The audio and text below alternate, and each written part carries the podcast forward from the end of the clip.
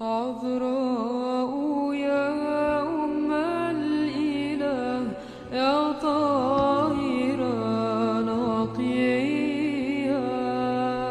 La det forgjengelige lys fra din åpenbaring skinne i våre hjerter, o menneskekjære Herre. Måtte du opplyse våre sinn når vi leser om dine hellige tjenere. Lær oss ved deres eksempel å leve i lyset, slik at også vi kan leve for deg, vår Herre og velgjøre, for du er god og elsker menneskene. Den 1. januar minnes vi vår hellige fader Basilios den store, erkebiskop av Cesarea i Kappadokia. Den hellige Basilios ble født rundt år 330 i Cesarea, som var det administrative senteret i den romerske provinsen Kappadokia i Lille Asia, som er dagens Tyrkia. Han var en av ti søsken i en familie som var relativt velstående og tilhørte det landeiende aristokratiet, men som også var en framtredende gammel kristen familie. Og en rekke helgener stammer fra denne familien. Basilios farmor var Makrina den eldre, død ca. 340, og hans foreldre var Basilios den eldre og Emelia. Hans eldre søster Makrina den yngre og to yngre brødre, Gregor av Nyssa og Peter av Sebasteia, regnes alle blant helgenene. I tillegg æres hans søster Theosebia, som var diakonisse, som hellig av den ortodokse kirken. Basilios den eldre, hans far, var en rik advokat og en velkjent lærer i retorikk, og Gemelia var datter av en martyr. Av deres ti barn var det ni som vokste opp. Som barn ble Basilios rammet av en alvorlig sykdom, og foreldrene lovet å vie ham til kirken dersom han ble frisk, noe han også ble. Han tilbrakte de første årene av sitt liv på en eiendom hans foreldre hadde ved elven Iris, og der ble han oppdratt under oppsyn av moren Emelia og farmoren Makrina. Etter at faren døde da Basilios var rundt ti år gammel, i år 340, tilbrakte han ungdommen i farmorens hus, og hennes undervisning og eksempel var en viktig faktor i hans utvikling. Hun hadde vært disippel av den hellige biskopen Gregor Undergjøreren, som levde fra ca. 213 til 270, og han igjen hadde fått sin opplæring av den lærde Origenes, ca. 185 til 254, og hun hadde en betydelig innflytelse på barnebarnet.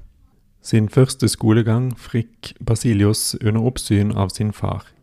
Han var en berømt mester i talekunst i hjembyen, og Basilios gjorde raskt framskritt i kunnskap om de verdslige vitenskapene, og han sørget for å forene dem med framgang i dyd. Etter at faren var død, fikk han den beste skolegang som var tilgjengelig på den tiden. Han ble sendt til de store sentrene i datidens kultur, Cesarea, Konstantinopel og Aten, vitenskapenes og veltalenhetens gamle hovedstad. Og der var hans rykte gått forut for han, for hellige Gregor teologen av Nasians hadde fortalt om ham. De hadde blitt kjent under studietiden i Cesarea, og hellige Gregor skriver at Basilios utmerket seg for sin strålende intelligens og sin seriøse karakter. Han var både dyktig og flittig og utmerket seg i retorikk, grammatikk, filosofi, astronomi, geometri og medisin. Han studerte alle fag som om det var det eneste faget han ville studere, skriver han. Et varmt vennskap utviklet seg mellom deres to. Først var vennskapet alminnelig og menneskelig, men etter hvert ble det både hellig og åndelig, for de oppdaget at de begge hadde som felles endemål Gud og oppnåelsen av de himmelske goder.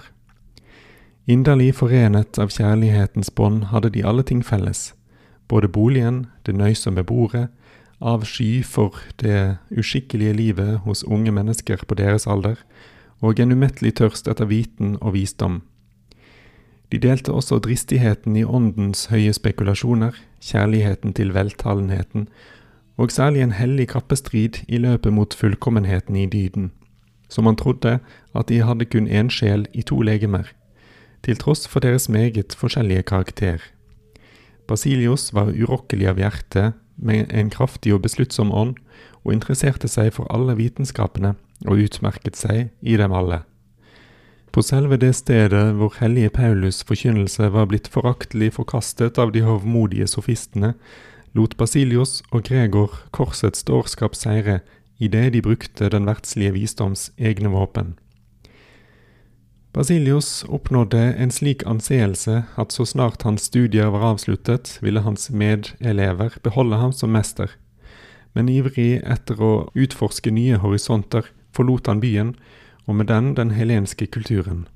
Da han vendte tilbake til sitt hjem i år 356, oppdaget han at hans mor Emelia og hans søster Makrina hadde omgjort deres familiebolig i Anesis til et nonnekloster, og at i nærheten førte også hans brødre og andre menn et klosterliv. Makrinas flammende formaninger samt læren fra en gruppe av asketer som hadde slått seg ned i Kappedokia en kort tid i forveien, blant dem Eustatius av Sebaste, fikk den hellige Basilios til å fordype sine studier av evangeliet, og han innså hvor forfengelig hans løp etter denne verdens visdom hadde vært inntil da. Derfor forlot han sin lovende karriere som retor og lot seg døpe, og besluttet å søke en åndelig far til å lede seg på askesens vei.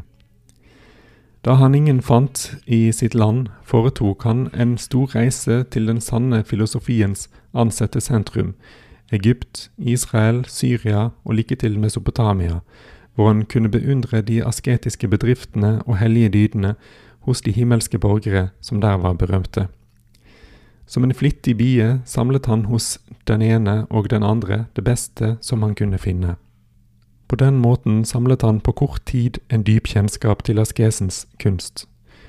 Men han manglet likevel å bringe den i anvendelse på et gunstig sted som var tilstrekkelig tilbaketrukket fra verden og stille, slik at man der kunne beskjeftige seg med Guds arbeid uten å bli distrahert. Dette stedet fant han i en mennesketom dal som var adskilt fra familieklosteret i Anesis ved Iriselvens løp. Hellige Basilios regnet dette stedet som et jordisk paradis, og han inviterte sin studiekamerat hellige Gregor til å bo sammen med han der. Og sammen levde de to et liv i askese, manuelt arbeid, meditasjon av Den hellige skrift og i bønn, som de hadde drømt om siden studietiden i Aten. Etter å ha gitt avkall på alt sitt gods for å forbli fattig, liksom Vår Herre gav avkall på sin herlighet for å berike oss med sin guddom, beholdt Basilios kun det strengt nødvendige for å kle sitt legeme og for å overleve til morgendagen. Hans eneste skatt var korset som han omfavnet i all sin ferd, ved askesen, idet han levde som en som hadde avlagt kjødet, og ved tålmodigheten i den sykdommen som han skulle ha som følgesvenn helt til sin død. Da Basilios etter et års forløp var den eneste av de to som var igjen, strålte han ikke desto mindre i hele regionen ved sin viten og sin dyd, og tallrike var de som kom for å besøke ham. Det var munker, legfolk og til og med barn, og han viste alltid en hjertelig kjærlighet mot dem. Da et stigende antall av hans besøkende besluttet at også de ville velge dette livet, som var englene lik, begynte han å utarbeide en av sine berømte klosterregler, som både i Østen og i Vesten blir ansett for klostervesenets formelle stiftelsesbrev. Tross sin unge alder gav han lover med en autoritet som en gammel manns, som var blitt hvithåret under mange års asketisk arbeid, og han viste en eh, dyptgående kjennskap til menneskesjelen som Gud hadde skjenket ham i løpet av de dager og netter han hadde viet til å søke Gud.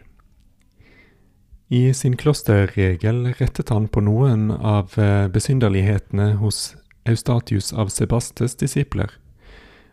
Men han holdt fast på det felles livet som ble ført under ledelse av én far, som et levende bilde på Kristus, og under krav om fullstendig forsakelse av all eiendom og av all egenvilje, og som ble grunnlagt på innbyrdes kjærlighet og aktelse, og på å bringe evangeliets bud i utførelse med Guds frykt og ortodoks tro. I år 360 ble han av sin biskop Dianos kalt til Cesarea og viet til diakon der, og han ble deltaker i den synoden i Konstantinopel hvor han med smerte kunne se hvordan kampen mellom arianere, semi-arianere og ortodokse splittet kirken i endeløse kamper. Da den svake biskopen Dianos hadde latt seg rive med for å skrive under på et kjettersk dokument, brøt Basilius for en tid kommunion med ham og vendte tilbake til sin ensomhet. Igjen ble han møtt av hellige Gregor, som hadde flyktet fra sin tvungne ordinasjon. I år 363 ble Basilius ordinert til prest av Eusebius, den nye biskopen av Cesarea. Men da noen misunnelige hadde reist uenighet mellom dem, reiste Basilius tilbake til sitt enebo for å bevare freden.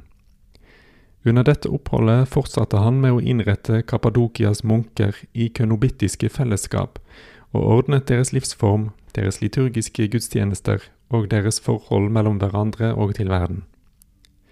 Skjønt han var en forkjemper for det felles livet, forsømte hellige Basilius likevel ikke å elske det enslige livet.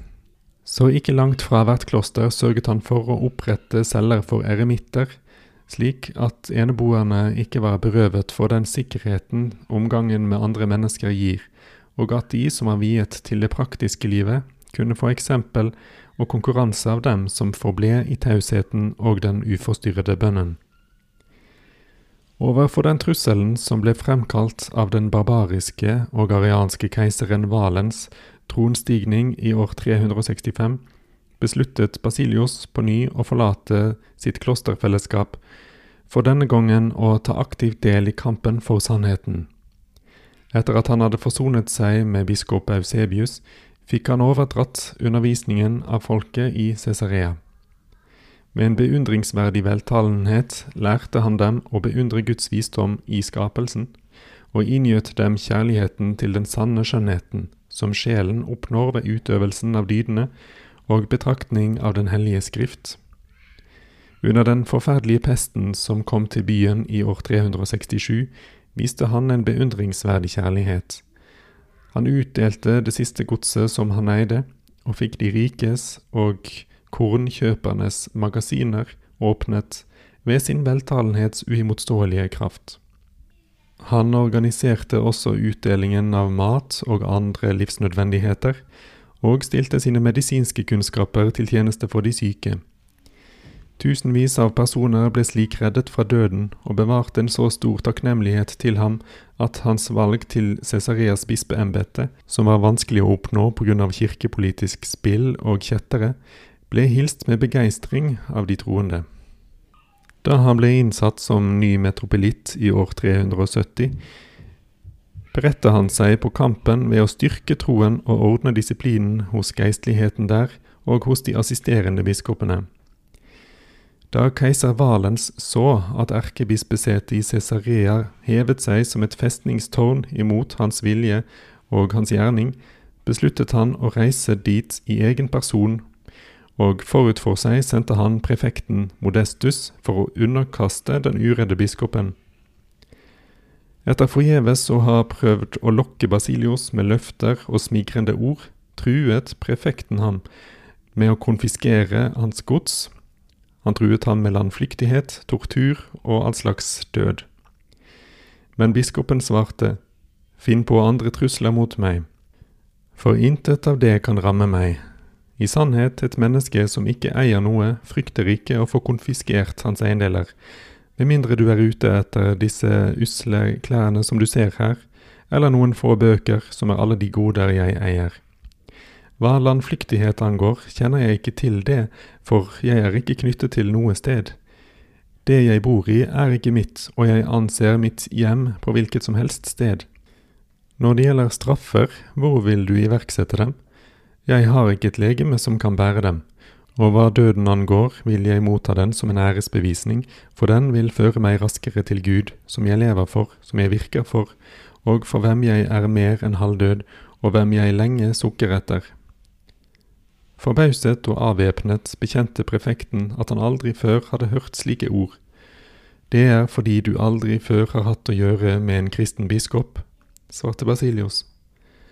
Da Modestus deretter på Den helliges bønner ble helbredet for en sykdom, ble han hans venn og ivrige beundrer.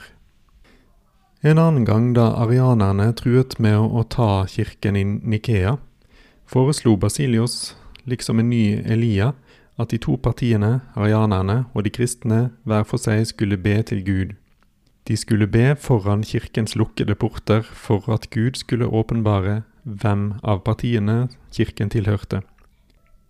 Arianernes bønner forble uten virkning, men så snart den hellige Basilios foran sin flokk løftet sine hender for å henvende seg til Gud, skalv hele kirken i sin grunnvoll, og portene åpnet seg av seg selv under de troendes jubelrop. Slike tegn viste seg også i keiserfamilien, for da keiseren hadde undertegnet en kjettersk erklæring, ble hans datter rammet av en brådød, og sykdom viste seg også på hans eget legeme. Da keiseren en dag gikk inn i kirken i Cesarea under teofanifeiringen, ble han i den grad imponert av sangens skjønnhet, forsamlingens gode orden, og særlig av hellige Basilios majestetiske bevegelser, der han sto foran alteret som Jesus, vår frelses ypperste prest, at han kom og frambar sitt offer sammen med de troende. Litt senere, da man forela keiseren en utvisningsordre på biskopen, gikk hans fjær penn i stykker tre ganger. Forskrekket over alle disse tegnene på Guds nåde holdt han opp med å plage den hellige mannen, men da han ikke desto mindre ikke ville oppgi sin politikk, lot han Kappadokia dele i to kirkelige provinser, for han tenkte at slik kunne han forminske biskopen av Cesareas innflytelse.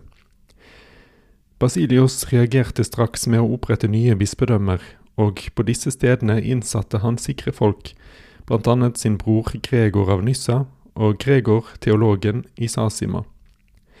Han rettet også flere henvendelser om barmhjertighet hos Vestens biskoper, som den gang var grunnfestet i freden og i den ortodokse troen, og han ba dem sende en delegasjon til øst med henblikk på et stort ortodokst kirkemøte, men han fant hos dem bare en kjølig støtte.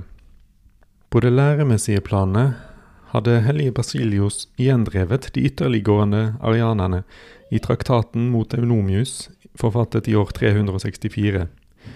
Så angrep han semi-arianerne, som på tross av deres tilsynelatende nærhet til de ortodokse, bare forstyrret situasjonen ytterligere ved uløselige personstrider. Imot motstanderne av Den hellige ånds guddom var han den første av de ortodokse fedrene til å erklære at Den hellige ånd er fullt ut Gud, av samme natur som Faderen og Sønnen. Selv inspirert av Guds ånd og ved nåden delaktig i Den hellige treenighets usigelige foreningsmysterium, visste han på et gunstig øyeblikk og måte med presisjon å utlegge den ortodokse teologiens grunnleggende begreper i sitt verk om Den hellige ånd, hvor begrep som vesen og hypostase ble klarlagt, og det uten å skille frelsesmysteriet fra menneskets guddommeliggjørelse. Han sto som et kriterium på sannheten, som utøvde sin autoritet langt utenfor sitt eget bispedømmes grenser. Som en ørn som hever seg mot høyden, overvåket han alt, beskyttet de kirker som var i fare, ved å dekke dem med sine vinger. For dette foretok han tallrike reiser, og når han var hindret av sine hyppige sykdommer, anviste han den veien som var å følge i en betydelig brevveksling som stadig er en del av den patristiske litteraturs rikdommer. Da hellige Atanasios av Alexandria døde i år 373, ble Basilius den som overtok rollen som ortodoksiens fyrtårn og sannhetens mest anerkjente talsmann. Til tross for sitt virke forble Basilius ikke mindre den aktpågivende hyrde for sin åndelige flokk og den medfølende fader for enhver av sine troende. Hans omsorg for de fattige kjente ingen grenser, og i fortsettelse av det arbeidet han hadde begynt da han var prest, lot han litt utenfor Cesarea bygge en veldig velgjørenhetsinstitusjon, Godgjørenhetsbyen, som senere ble oppkalt etter ham som Basiliaden, og der lot han bygge en kirke og flere sykehus, spedalsk hospital, skole og barnehjem og flere andre institusjoner. Så ofte han kunne reiste hellige Basilios til byen, og eh, nølte ikke med selv å passe på de sykeste eller å omfavne de spedalske. Ifølge hellige Efraims vitnesbyrd var det når hellige Basilios prediket, en hvit og lysende due som hvisket ham sine opphøyde ord i øret når han frambar det hellige offeret, og kom til å ligne en ildsøyle som strakte seg fra jord til himmel. Den ortodokse kirke fortsetter helt til vår tid med å frambære den liturgien som han redigerte, og å bruke hans bønner med deres opphøyde teologiske inspirasjon. I Basilios-liturgien finner vi, særlig i nattverdsbønnene, den mest konsentrerte og omfattende oppsummeringen av hele kirkens teologi og forståelse av frelsen og skapelsen. I anafora-bønnen heter det med disse salige makter, menneskeelskende hersker, roper også vi syndere til deg og sier, I sannhet er du hellig og høyhellig, ja, umåtelig er din hellighetsmajestet, og rettsindig er du i alle dine gjerninger. For med rettvishet og sanndom har du bestemt alt for oss. Du skapte mennesket av jordens moll og æret ham med ditt bilde. Du gav ham bo i paradisets sødme og lovet han udødelig liv og de evige goders vederkvegelse om han bare overholdt dine bud. Men da han var ulydig mot deg, den sanne Gud, som hadde skapt ham, og lot seg lokke av slangens list, ble han dødelig ved sine synder. Og du jagde han ved din rettferdige dom fra paradis og ut i denne verden, og vendte ham mot jorden, som han var tatt fra. Men du beredte ham gjenfødelsens frelse i selve din Kristus, for du vendte deg ikke bort fra din skapning for all tid, han du hadde skapt og gode. Ikke heller glemte du dine henders gjerning, men oppsøkte ham på mange vis i din gode miskunn. Du sendte profeter, du gjorde underverk ved dine hellige, som i hvert slektsledd var deg til behag. Du talte til oss gjennom dine profeter, som forutsa vår kommende frelse. Du ga din lov til vår hjelp, du sendte engler til å beskytte oss, og da tidens fylde kom, talte du til oss ved din egen sønn, ham ved hvem du også har skapt alle tidsaldre han som er avglansen av din herlighet og avbildet av din hypostas, som oppholder alt ved sitt ords kraft. Han regnet det ikke som et rov å være deg lik Gud og Fader, men han som er Gud fra evighet, viste seg som menneske på jord og levde med menneskene. Han tok kjød av den hellige jomfruen idet han uttømte seg selv, og han tok en tjeners skikkelse og ble i vårt usle legemes lignelse, for å gjøre oss likedannet med sitt herlige bilde. Etter at synden ved mennesket kom inn i verden, og døden med synden, behaget det din enbårne sønn, som er i ditt skjød, Gud og Fader, og fødes av en kvinne, den evige jomfruelige og hellige gudfødersken Maria, og fødes under loven for å fordømme synden i sitt kjød, slik at de som er døde i Adam, kan bli levende i selve din Kristus. Da han levde i denne verden, ga han de frelsende bud og fjernet avgudsdyrkelsens villfarelse fra oss og førte oss til erkjennelse av deg, sanne Gud og Fader. Han vant oss som sitt utvalgte folk, som et kongelig presteskap, et hellig folk, som han renset med vann og helliget ved Helligånden, da han ga seg selv som løsepenge for døden, som holdt oss i fangenskap, solgt under synden. Ved korset steg han ned i dødsriket for å oppfylle alt med seg selv og løse oss fra dødens redsler. Og han sto opp på tredje dagen og laget vei for alt kjød til oppstandelsen fra døde, for det var ikke mulig å holde livets opphav fast i forgjengelsen, og han ble de avdødes første grøde, gjenfødt fra døden, slik at han selv blir alt, den første i alt. Han steg opp til himmelen og satte seg på din majestets høyre side i det høye, hvorfra han skal komme igjen for å gjengjelde hver og en etter deres gjerninger. Han etterlot oss minne om disse sine frelsende lidelser, som vi òg har forkynt etter hans bud. Av egen vilje gikk han ut i sin frivillige og evige minneverdige og levendegjørende død, og i den natt da han overgav seg selv for verdens liv, tok han et brød i sine hellige og allrene hender, viste det deg, Gud og Fader, takket, velsignet det, helliget det og brøt det, gav sine hellige disipler og apostler og sa, Ta og et, dette er mitt legeme som brytes for dere til syndenes forlatelse. I tillegg til hans betydning for liturgiens utvikling, fremmet han også utviklingen av martyrenes fester og dyrkelsen av de hellige relikviene. Som lærer for hele verden, den ortodokse troens lysende stjerne, fader for munkene, fosterfar for de fattige, forsyn for alle som håper på Gud, var hellige Basilios det fullkomne mønster på en biskop, Kristi levende bilde, som ved ham gjorde seg til alt for alle, idet han talte med hans ord og ved sine gjerninger utbredte hans menneskekjærlighetsskatter. Likevel kom han som menneske ikke til å kjenne annet enn tap, bakvaskelse og sorger av alle slag. Til tross for hans anstrengelser holdt splittelsene ved i en slik grad at enhver annen enn han hadde gitt opp håpet på en dag å se freden gjenopprettet. Det var kun ett år før hans død, da keiser Valens var falt under et felttog mot gotene i år 378, at den fromme Theodosius etterfoldte ham på tronen, og uten å nøle begynte å jage arianere og gjeninnsette de ortodokse biskoper på deres bispeseter. Men den hellige, hvis legeme var uttært av sykdom og askese, hensovnet før han fikk sett fullendelsen av sine arbeider under det andre økumeniske kirkemøtet i Konstantinopel i år 381. Hans begravelse, som ble holdt den 1. januar 379, midt under et usedvanlig tilløp av folk, var hans seierstog. I overensstemmelse med det navnet han har fått, Basilios betyr kongelig, inntar han nå en kongelig plass i De hellige fedres hoff, ganske nær ved den himmelske kongens trone. Avro